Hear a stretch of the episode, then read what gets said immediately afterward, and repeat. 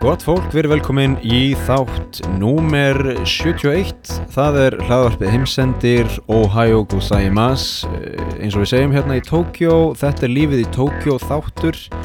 Þar sem ég ætla að fjalla um eh, hvað, skona, hvað hefur, hvað maður, hvað hefur eh, verið að gerast hérna í Tókjó á undanförnum dögum. En ég ætla líka að fjalla um skrítið mataræði sem ég er búin að vera að aðhyllast síðustu vikur. Um, það er mataræði þar sem maður má borða kjöt og ávexti um, sem er svona erfitt svolítið í Japan en, en hérna, ég ætla að fjalla um þetta og hvernig þetta gekk fyrir mig.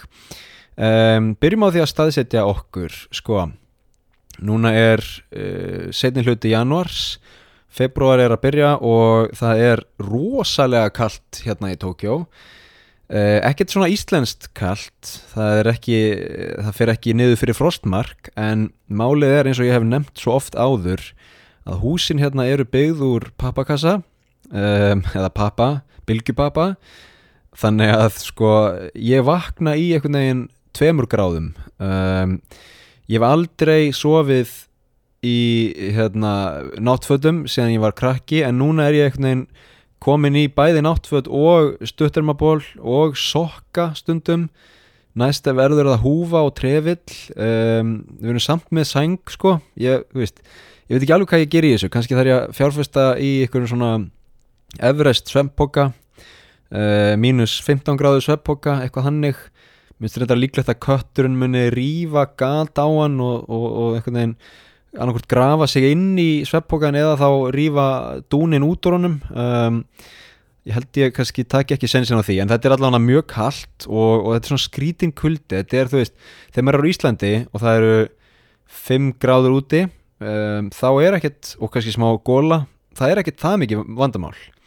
En þegar maður er í Tókjó og er svona búin að gýra sig yfir í annað loftslag, þau veit ég er ekki í dúnulpu, hérna, ég er ekki með húfu maður er einhvern veginn búin að greiða á sér hárið um, maður er í flottum frakka þú veist og, og, og hérna svona strega skóm og þá einhvern veginn er ég ekki nógu vel í stakk búinn til að takast á við kuldan sem Tókjó uh, sem gengur yfir Tókjó akkurat núna. Annað sem ég hef tekið eftir upp á síðgastið um, að því að lestin mín hún gengur frá Toritsu Daigaku þar sem ég bý og inn í Shibuya og þetta eru held í 5 eða 6 stöðvar. Fyrstu þrjár lestastöðarnar þá er ég uh, að ferðast ofanjarðar og þá get ég svona séð yfir borgina. Og síðan fer ég náttúrulega í, í eitthvað svona neðanjarðar neðanjarðar um, um, göng sko þegar ég nálgast Shibuya af því að það er allt grafið niður. En þegar ég er ofanjarðar þá get ég hort yfir borgina og stundum upp á síðgast er ég farin að sjá svona mengunar slæðu uh, svifrik held ég að þetta heiti.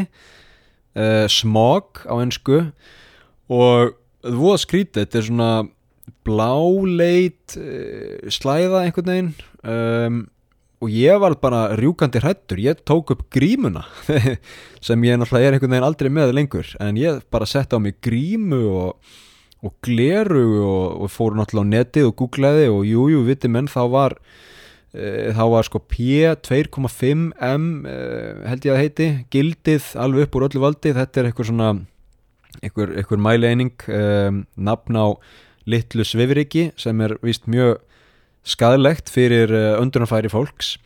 Þannig ég sko þetta er bara komur óvart, ég held að Tókjó væri svo rosalega hrein borg sem hún náttúrulega er en, og sérstaklega miða við margar aðrar borg, borgir hérna í Austur-Asju en uh, þetta komir samt, samt að óvart. Ég hef aldrei séð svona svona mengun sko. Um, jújú, jú, svo höfum við þetta líka í svo er líka til svona svifiriksmengun í Reykjavík. Um, en það eru aðeirar ástæður fyrir því. Það er meira svona naglaðek og, og eitthvað þannig.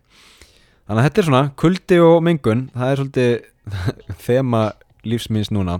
Skellum okkur í umræðaefni dagsins. Hvað gerist ef þú borðar bara kjöt og ávexti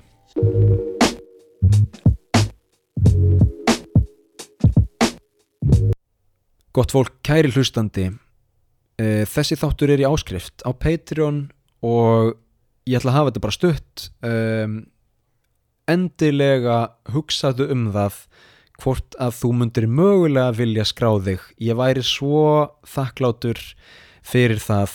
Uh, áskrift á Patreon kostar ekki nema 700 krónur eða 5 dollara á mánuði og þá færðu fullan aðgang að öllum mínum þáttum bara pældu í því, það er það eina sem ég beðum takk kælega fyrir það, takk fyrir að hlusta. Og vonandi sjáumst við á Patreon